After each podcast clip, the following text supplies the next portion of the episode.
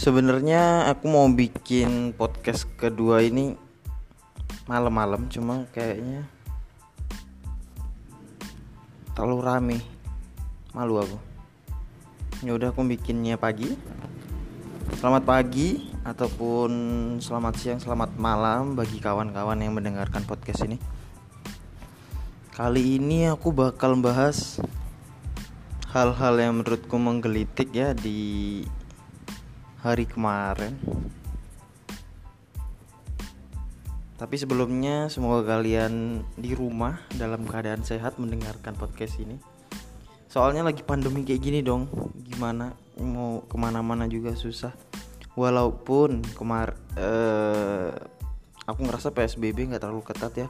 Jadi mau keluar masuk wilayah-wilayah zona merah cukup mudah, cukup gampang yang sulit adalah mau masuk desanya sebenarnya. Karena beberapa desa masih justru justru yang ketat tuh malah desanya ya. Jadi kayak ada penjagaan di setiap perumahan-perumahan ataupun di kampung-kampung. Oke. Ya. Gimana ya? Kemarin aku sempet beli koran koran Jawa Pos aku menemukan hal lucu. Judulnya gini. PNS tinggalkan jaga checkpoint untuk nyambu. Buset.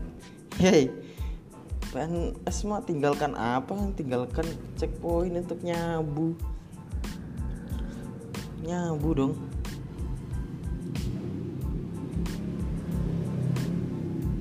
Orang mau tinggalin makan ya tinggalin nyabu tak bacain ya beritanya.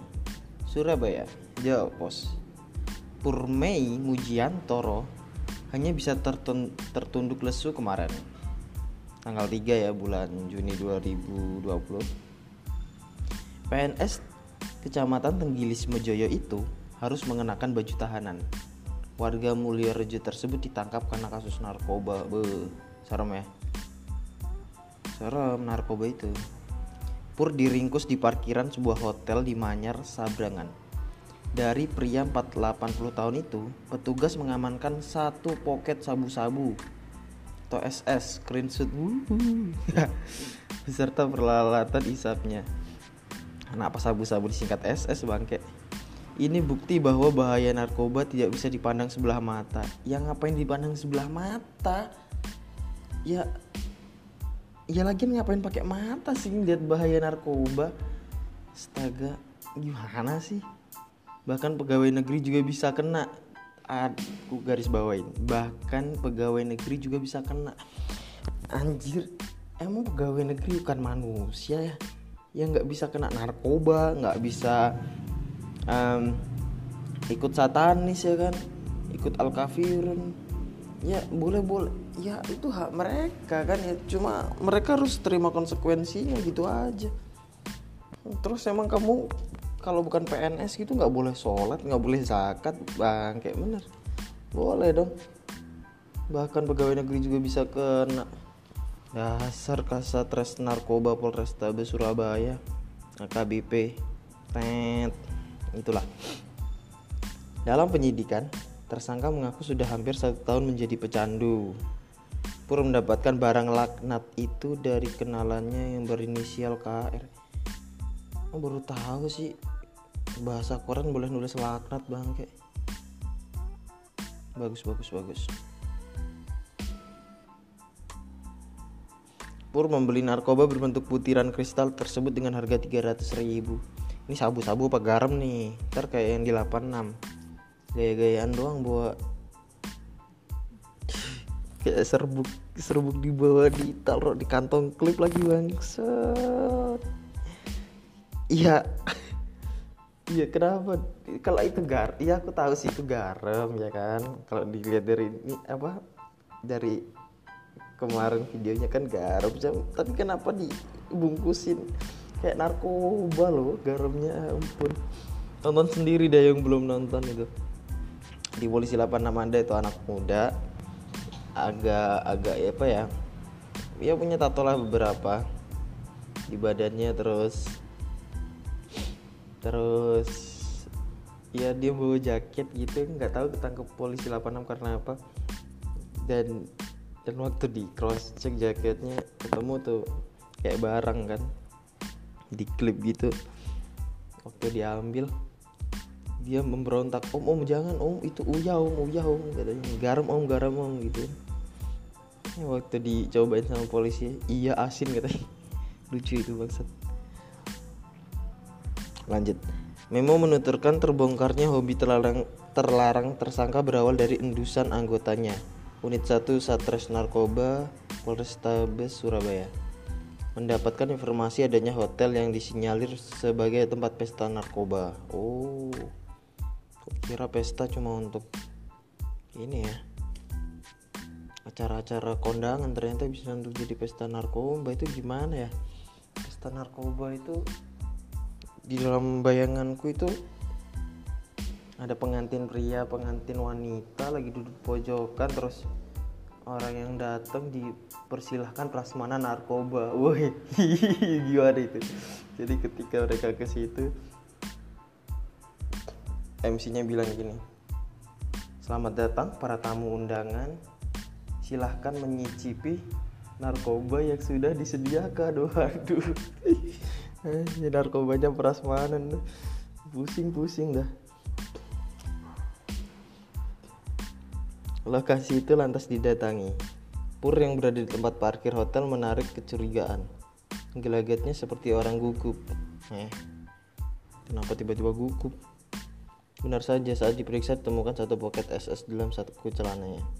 Selanjutnya dikembangkan ke kamar yang baru saja disewanya ungkap alumnus Akpol 2002 tersebut. Di sana ditemukan pipet kaca dan bong bekas pakai.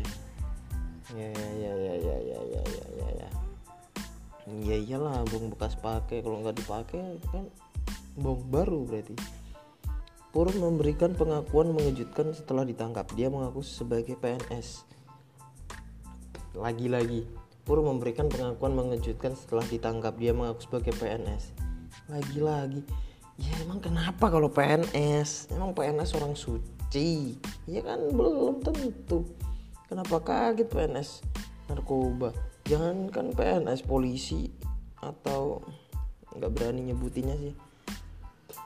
Itu kena narkoba juga nggak apa-apa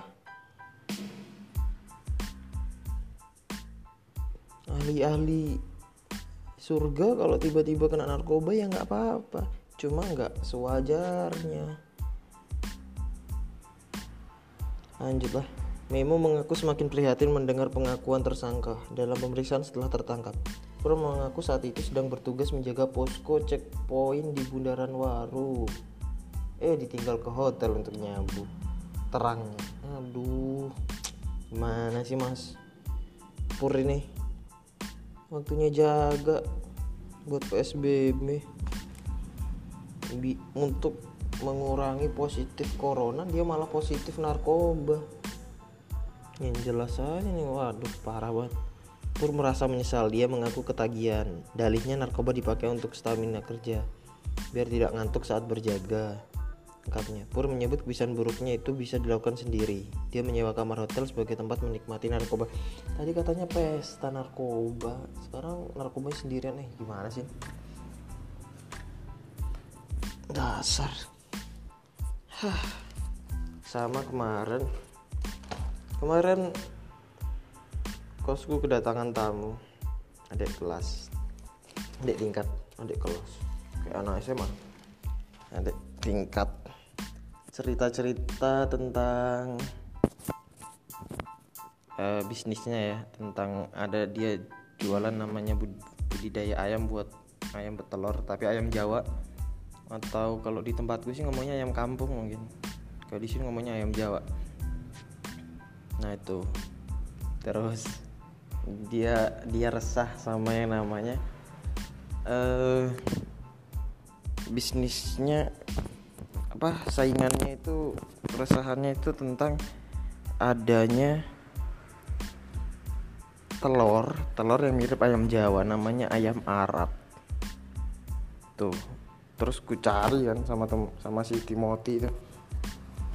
Dicari sama kami. Ayam Arab itu asalnya gimana? Dan faktanya sangat lucu dong. Faktanya adalah ayam Arab itu adalah ayam yang asalnya dari Belgia. Kenapa disebut ayam Arab?